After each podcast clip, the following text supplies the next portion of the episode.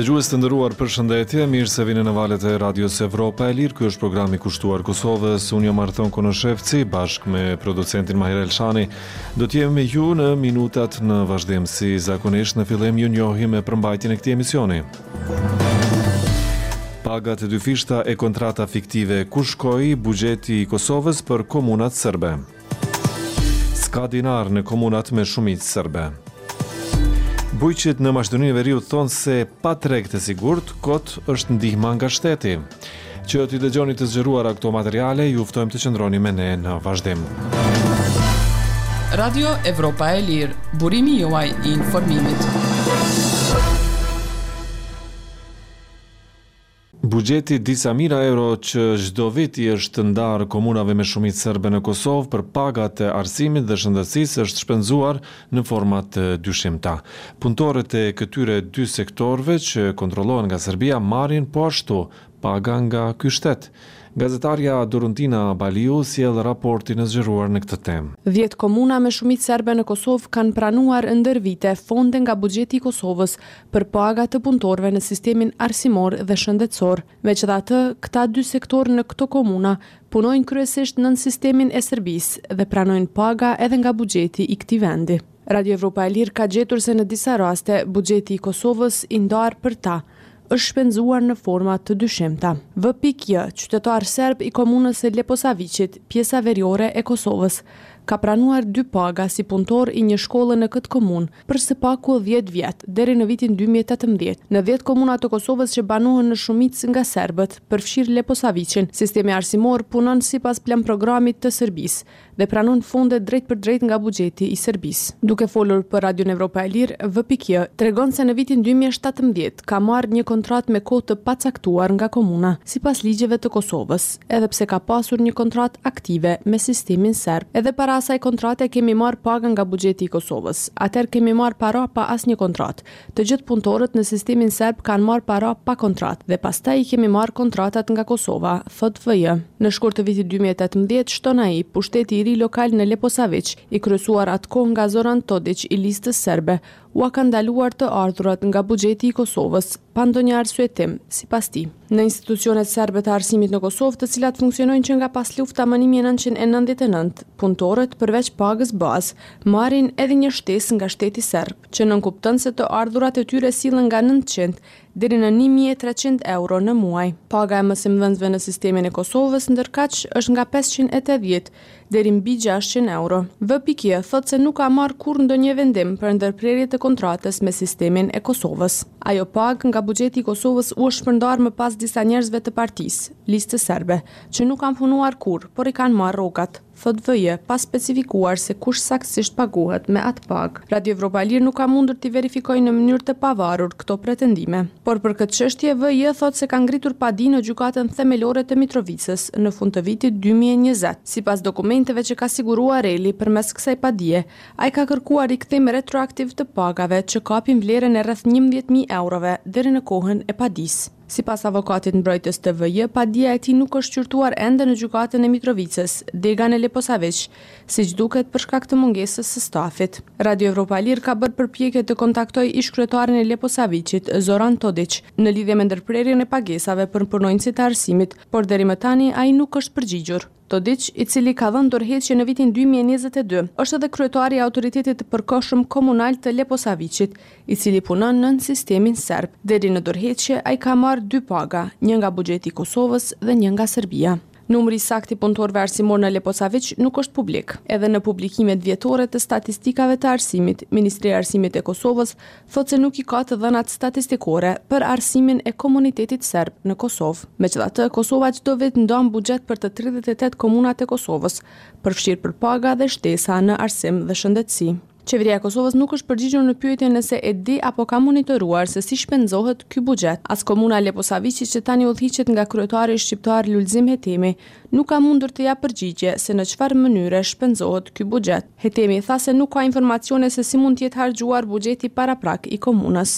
Nuk e dimë ku kanë shkue se nuk nuk jena hala edhe kompetent me i kshyr dokumentacionet, menjëherë u kum boni përmes emailit një një thirrje që të vijnë të krimeve ekonomike kanë ardhë që dy muj ditë e gjys jon tu hetue i kena tubu të gjitha dokumentacionet në zyrën poshtë në katin e dytë edhe jon tu hetue jon tu shfletue dokumentacionet ku qysh se ka ka kanë shku këto pare. Policia e Kosovës konfirmoi për Radion Evropa e Lirë se ka nisur hetime rreth keqpërdorimeve në komunën e Leposaviqit dhe se është në fazën e mbledhjes së dëshmive. Hetemi tha se po bëhen përpjekje që stafi i shkollave në gjuhën serbe të integrohet në institucionet komunale të Kosovës. Burime të Radios Evropa e Lirë kanë treguar se në një komunë tjetër me shumicë serbe në jug të lumit Ibër, persona që kanë marrë kontrata mësimdhënësish ushtrojnë në fakt pozita të tjera brenda komunës. Për Radion Evropa e Lirë nga Prishtina, Doruntina Baliu. Serbët e Kosovës nuk kanë mundur të marrin pagat, pensionet as ndihmat sociale që vijnë nga shteti i Serbisë, pasi që degët e postës së Serbisë në komunat e banuara me shumicë serbe nuk ka dinarë. Mungesa e dinarëve ndodh pasi autoritetet e Kosovës me trembëdhjetë shkurt ndaluan për herë të dytë hyrjen e tyre me arsyetimin se për këtë çështje vendos Banka Qendrore e Kosovës. Posta e Serbisë dhe Banka Popullore e Serbisë as Qeveria e Kosovës nuk janë përgjigjur lidhur me zgjidhjen e mundshme të kësaj çështje. E dëgjojmë këtë raport të zgjeruar. Mjediset me shumicë serbe në Kosovë po mbeten pa dinarë kështu, të paktën, thanë disa qytetarë në jug dhe në veri të lumit Ibër, të cilët provuan të tërheqin paratë nga llogaritë e tyre të martën. Institucionet, si në Kosovë ashtu dhe në Serbi, heshtin. Mira nga Graçanica, komunë me shumicë serbe afër Prishtinës, nuk arriti të merrte ndihmën sociale dhe shtesat për fëmijë, sepse punonjësit në postë i thanë se nuk ka para. Kjo zyrë postare punon në sistemin e Serbisë dhe aty mund të tërhiqen të ardhurat në dinarë të cilat ndahen nga buxheti i Serbisë. Nuk kam marrë asgjë, kam ardhur t'i marr të ardhurat, por nuk m'i kanë dhënë. Çfarë të bëj tani? thotë Mira për Radion Evropa e Lirë dhe tregon se jetesa e familjes së saj varet prej këtyre parave. Ndihma sociale nga sistemi serb arrin rreth njëmbëdhjetë mijë dinarë ose njëqind euro, për një anëtar të familjes. Mira tha se nuk merr asnjë kompensim financiar nga buxheti i Kosovës dhe shpreson që çështja e përdorimit të dinarit në Kosovë të zgjidhet së shpejti.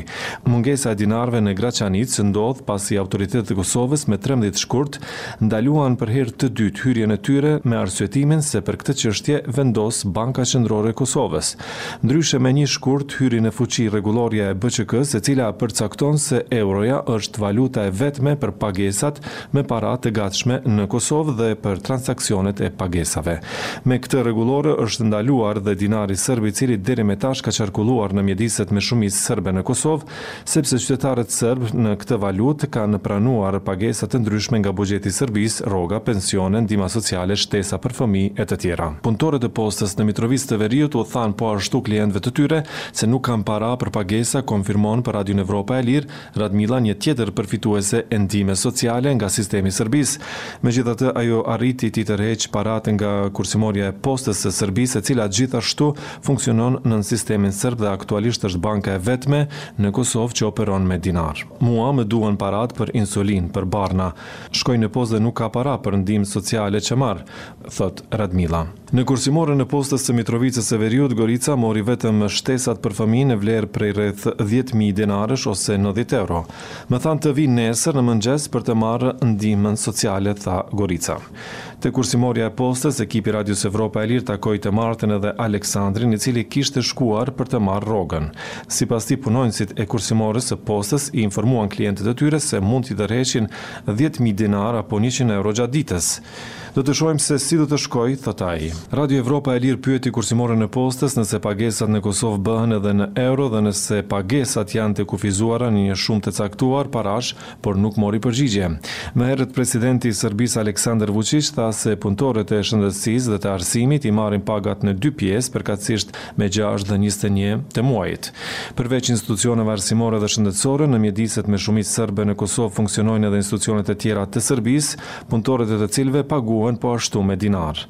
Një prej tyre është edhe Dragana nga Graçanica e cila siç thotë, Do të shkojë në Serbi për ta marrë rrogën e saj. Kur më duhet, shkoj atje në Serbi. Nuk mund ta tërheq këtu sepse rrogën e marr përmes kursimores së Postës dhe nuk ka dinarë, thotë Dragana për Radion Evropa e Lirë. Radio Evropa e Lirë pyeti Postën e Serbisë, Kursimoren e Postës dhe Bankën Popullore të Serbisë se si do të zgjidhet problemi i mungesës së dinarëve në Kosovë, por nuk mori përgjigje. As Qeveria e Kosovës nuk iu përgjigj pyetjes së Radios Evropa e Lirë nëse periudha e ashtuquajtur e tranzicionit parasheh pagesën e përfitimeve financiare nga buxheti i Serbisë në dinarë.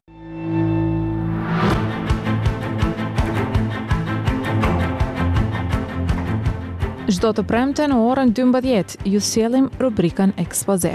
Ngjarjen kryesore të javës në skenën botërore e gjeni të përmbledhur në evropaelire.org. Rubrikën Ekspoze Mund ta ndiqni edhe në Radio Televizionin e Kosovës.